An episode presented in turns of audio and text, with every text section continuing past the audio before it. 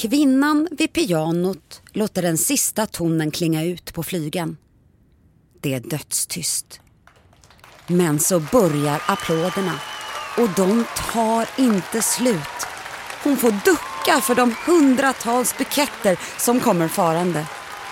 Hon står vid scenkanten i ett hav av rosor och tittar ut över sin älskade publik. Det här är livet. Kvinnan som tar emot publikens kärlek är Klara Wik. Vi befinner oss i Wien, Österrikes huvudstad och året är 1838. Hon är en av de allra största pianisterna.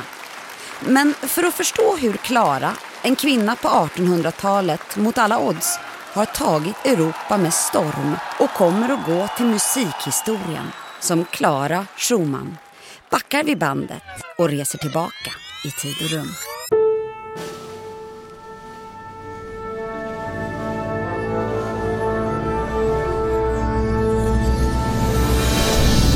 Du lyssnar på Musikaliska genier genom tider och toner med mig, Ylva Hällen. Om Klara Schumann.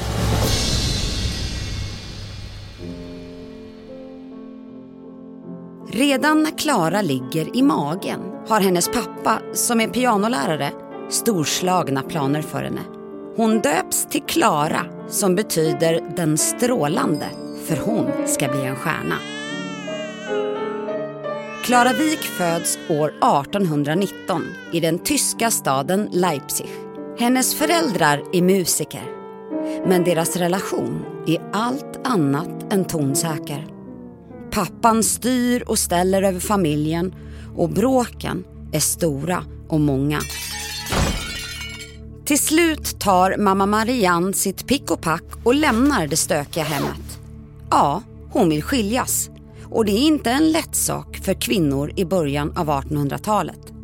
För kvinnor har knappt några rättigheter alls då. Och pappan bestämmer att barnen, ja, de blir hos honom. När mamma lämnat familjen lägger pappa Fredrich allt krut på sin dotter. Klara, den strålande, ska bli en framgångsrik pianist. Hon måste öva hela dagarna och får bara ta korta pauser för promenader i deras trädgård.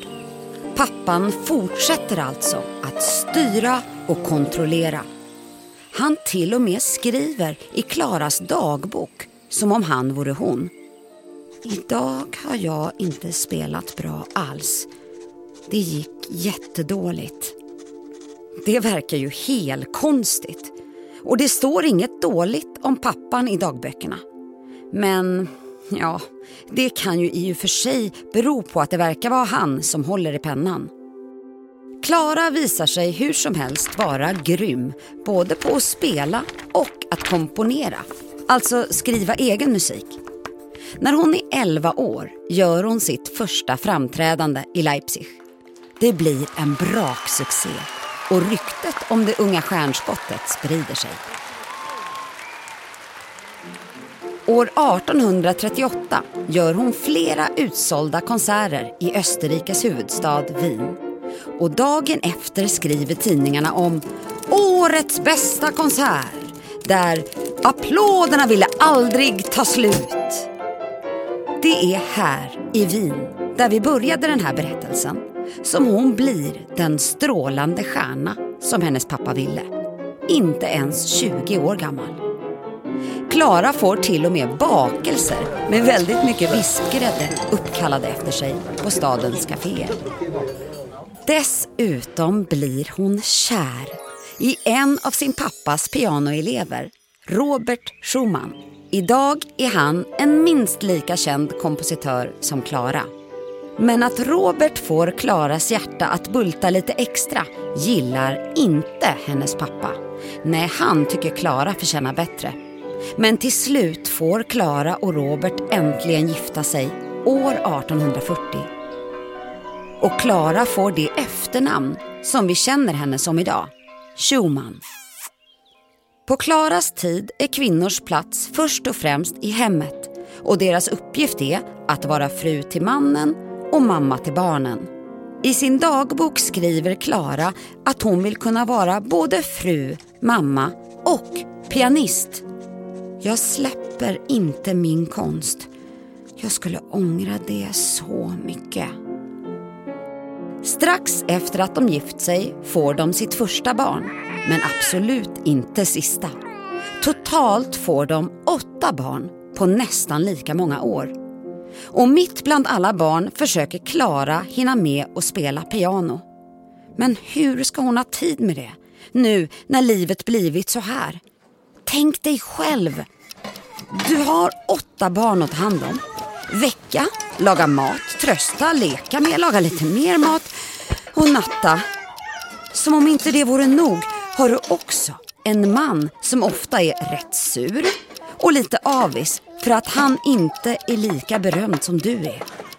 Och som kronan på verket måste du försörja hela familjen med ditt pianospel. Nej, suck, vilket körigt och stressigt liv. Klara turnerar så mycket hon kan. Allt farande och flängande gör att hon inte hinner skriva musik själv. En som däremot har tid att sitta och spela piano hemma är Robert, som inte alls är lika berömd som sin fru. Så de kommer överens om hur de ska få vardagspusslet att gå ihop. Du, eh, Robert, om du skriver musiken så spelar jag din musik och gör den känd för världen och tjänar pengarna. Ja, så får det bli.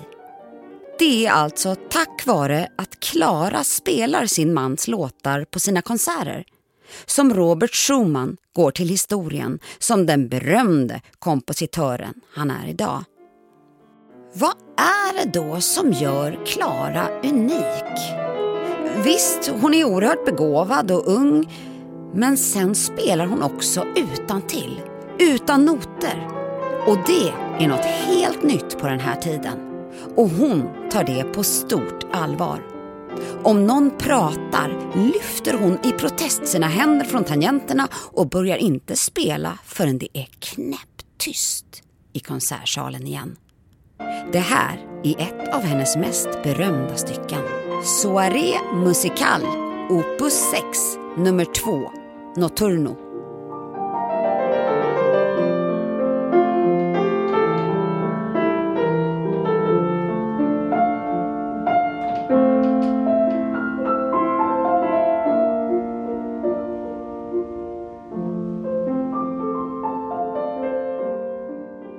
Men att vara ute på turné är inte alls så lyxigt som det kan låta. I Ryssland stelnar hennes fingrar när hon spelar i iskalla konsertlokaler. Hon får gå upp mitt i natten för att ta släde för att hinna fram till nästa konsertställe. Och hur är det med Robert egentligen? Johan kanske verkar lite purken, men det är värre än så. Han mår faktiskt inte alls bra.